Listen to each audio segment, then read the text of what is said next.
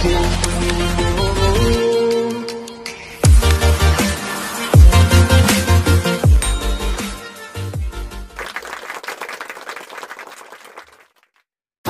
siang, kembali lagi bersama saya Agung Surya Gumelar dalam acara Beyond Education Podcast. Podcast yang selalu menemani Anda dalam kegiatan hari-hari Anda dalam setiap, aktif, nah, setiap aktivitas Anda atau apa pun yang Anda kerjakan kita selalu menemani dan kita selalu upload dua kali sehari Kembali maksudnya dalam dalam dua hari sekali itu kita akan upload terus video-video terbaru. Jadi jadi jangan lupa nih subscribe channelnya terus juga jangan lupa nyalakan notificationnya dan pasti cek aja kalau nggak percaya. Dua hari sekali pasti kita upload video yang baru. Dan jangan lupa kalau misalnya dirasa bermanfaat silahkan share share kepada saudara, kepada teman, kepada suami, kepada istri. Buat siapa pun itu karena ini materinya bersifat tentang aplikatif. Jadi tidak terlalu membingungkan tidak terlalu oh pusing harus sih? Nah dengerin aja lakuin aja selesai. Dan jangan lupa kalau misalnya teman-teman semuanya atau viewer semuanya yang di rumah itu sedang misalnya sibuk atau misalnya tidak sempat melihat itu, silakan langsung saja cari kami di radio online yang sudah ada di Indonesia, yaitu ada di Spotify, Google Podcast, Apple Podcast. Ya itu, ada bangsa malam juga. Jadi kita masih dalam sebuah eh, apa podcast itu. Biasanya tidak ada suara-suara seperti itu tapi kami menghadirkan seperti kami. Kami selalu melayani masyarakat gitu ya. Dan ada yang disebut namanya Q&A Q&A itu uh, question and answer bagi masyarakat yang ingin bertanya kepada kami. Jadi kami open pertanyaan mau lewat email mau lewat komen mau lewat apa pun itu silakan langsung saja ditanyakan saja karena kita merakyat. Sampai itu yang semua yang bisa masuk ke dalam podcast kami. Jadi kita, kita tidak bisa kita tidak membatasi siapa yang bertanya silakan. Mau siapa pun itu yang bertanya silakan. Mau tukang dagang mau siapa pun. Di pot di podcast kami pasti kami balas dan pasti kami bahas. Seperti itu. Jadi jangan ragu-ragu untuk bertanya. Oke? Baik siang hari ini bersama dengan Pak Doni Halo teman-teman semuanya. cerah sekali Pak Doni Iya. Ya soalnya lagi nunggu bahasa malam kan.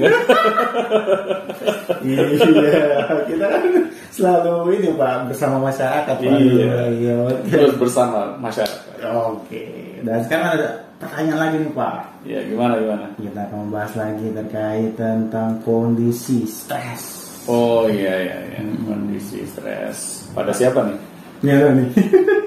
Saya bacakan dulu ya Pak ya. Dari ibu, bukan ibu sih, Indah Dahlia aja. Hmm. Jadi Indah Dahlia ini mengirim email nah, kepada Beyond Podcast dan pertanyaannya simpel sih Pak. Mengapa anak stres? Mengapa anak stres? Mengapa anak Oke. stres? Pertanyaan yang menarik ya. Iya menarik ya, E, kecil tapi bisa dipikirkan sebenarnya. Iya. Iya. Selagi anak kita wujudnya manusia, pasti anak akan mengalami yang namanya stres. Karena yang namanya manusia kan ya dalam kesehariannya kita akan menghadapi yang namanya masalah. Dan masalah itu yang hadir di dalam kehidupan kita ya pasti akan silih berganti. ya. Nah di sini masalahnya anak kita anggap mereka masih anak-anak gitu. Nah mungkin anak-anak akan mengalami yang namanya stres misalnya. Karena masalah yang dihadapi oleh anak kan tidak serumit masalah para orang dewasa gitu. Nah kita di sini kadang sebagai orang tua kecolongan gitu. Ketika anak dalam menghadapi rasa stresnya, kita tidak hadir di situ. Oh, tapi bisa kapan aja bu berarti stres itu ya Pak? Bisa kapan saja. Karena apa? Karena orang dewasa saja ketika mereka mengalami stres, ya, mereka dalam kondisi yang bisa dibilang tidak kondusif. Gitu. Ada hal yang berkecamuk di dalam pikirannya. Nah, begitupun juga dengan anak.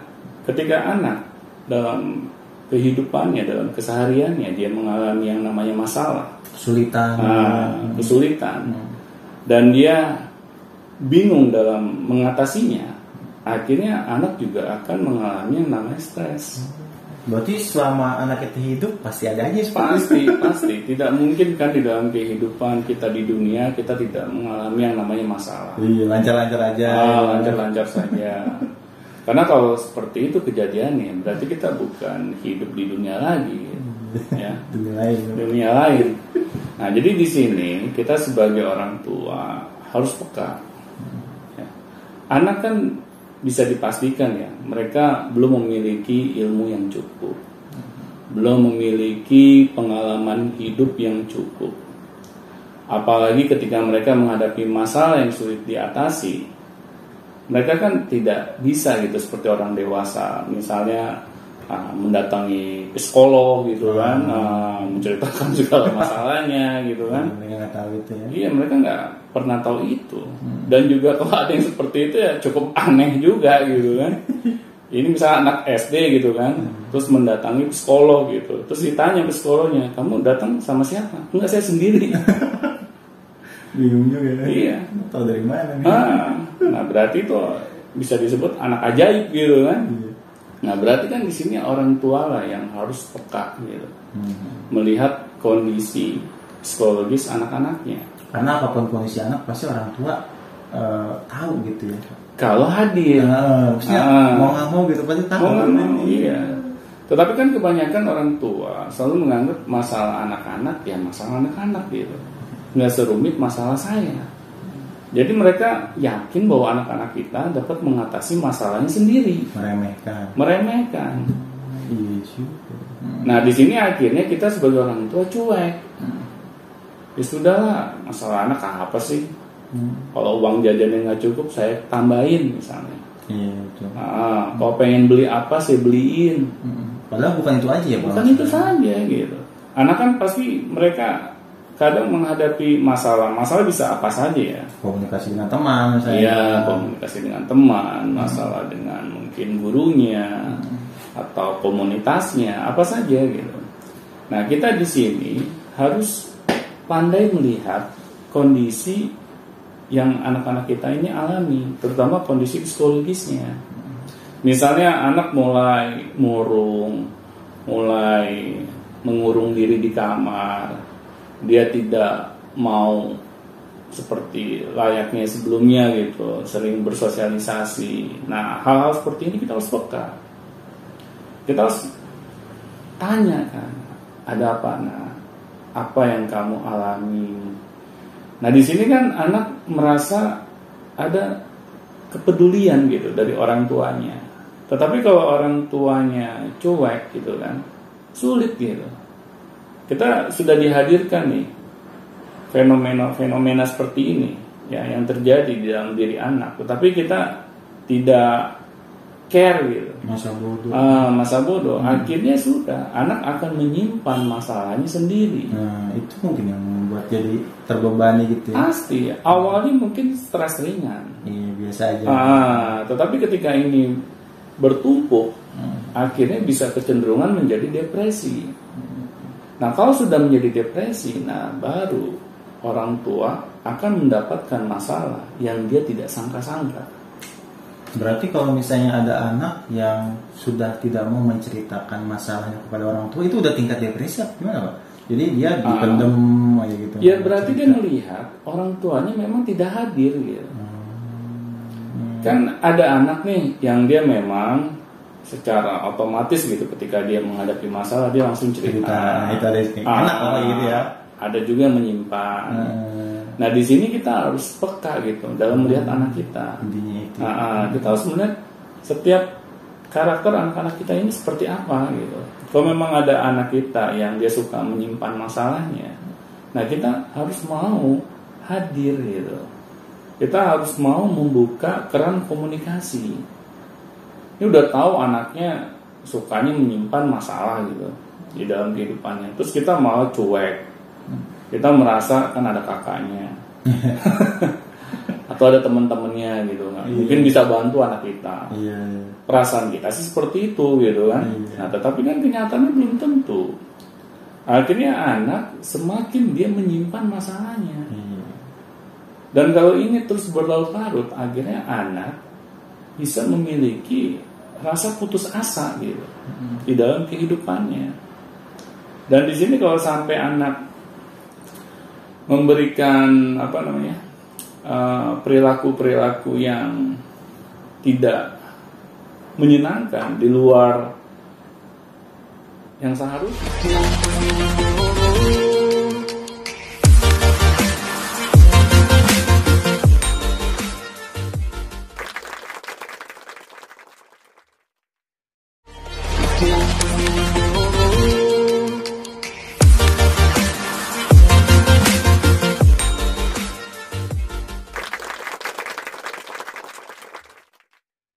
Misalnya kalau dalam usia anak-anak ya teriak-teriak lah, Hmm. terus mereka sukanya marah-marah, banting-banting. Hmm. Nah itu sebenarnya salah satu perilaku stres yang anak tunjukkan gitu.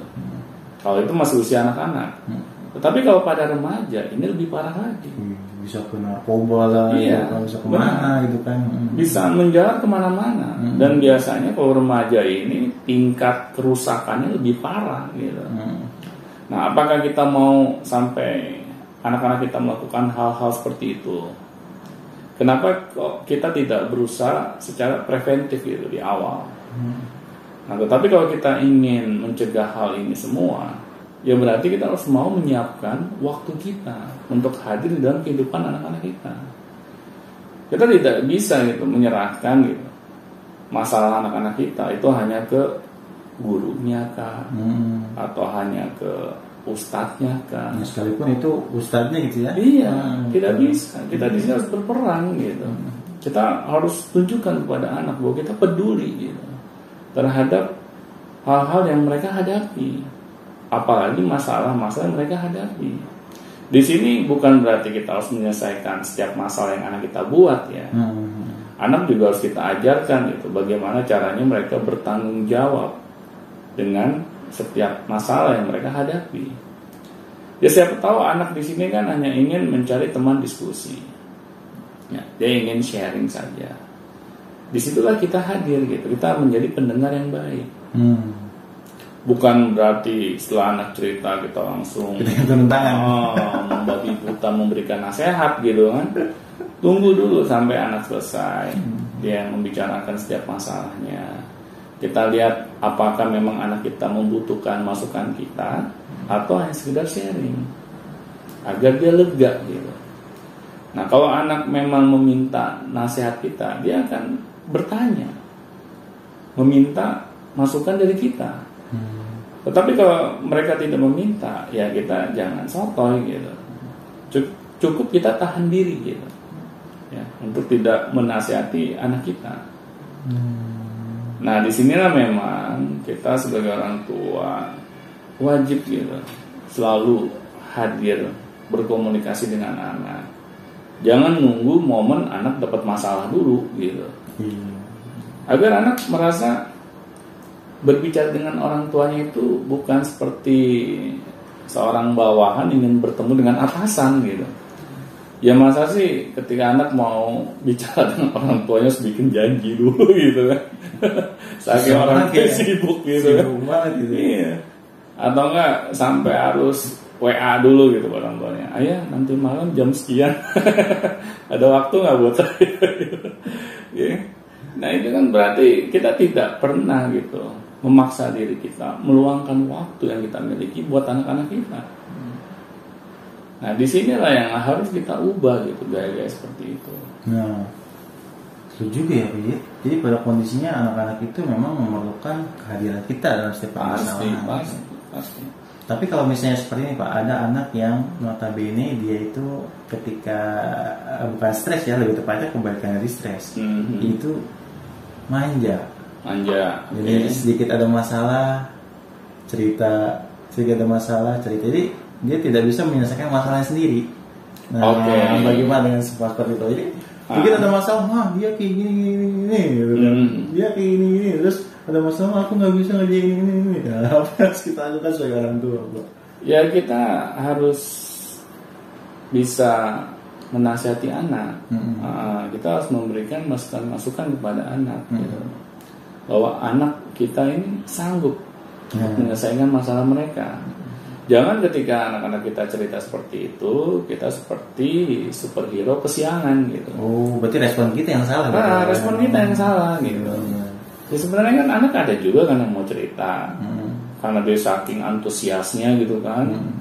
dia mengalami sebuah fenomena apa gitu akhirnya dia ingin cari teman cerita yang dia cari orang tuanya itu bagus banget malahan nah, tetapi kalau orang tua malah dijadikan opsi terakhir bagi anak ini yang menjadi masalah jadi anak ketika menceritakan masalahnya itu dia nunggu dulu sampai menggunung gitu iya Udah meledak. Iya, baru dia cari orang tuanya. Ini kan orang tua bisa-bisa ini apa namanya kayak uh, kaget gitu kaget, kaget uh, uh, mereka kelimpungan gitu kan menghadapi masalah yang dia nggak sangka-sangka gitu kan karena anak baru cerita di akhir-akhir gitu nah ini kan yang kita sebenarnya tidak menginginkan gitu kan hal ini terjadi gitu Makanya sebelum masalah itu menjadi menggunung, ya kita harus hadir gitu. Oh. Dalam keseharian anak.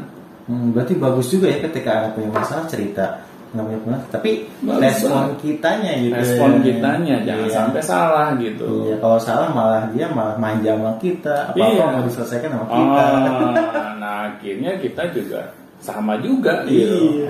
Kelimpungan juga gitu kan. Iya, iya benar benar.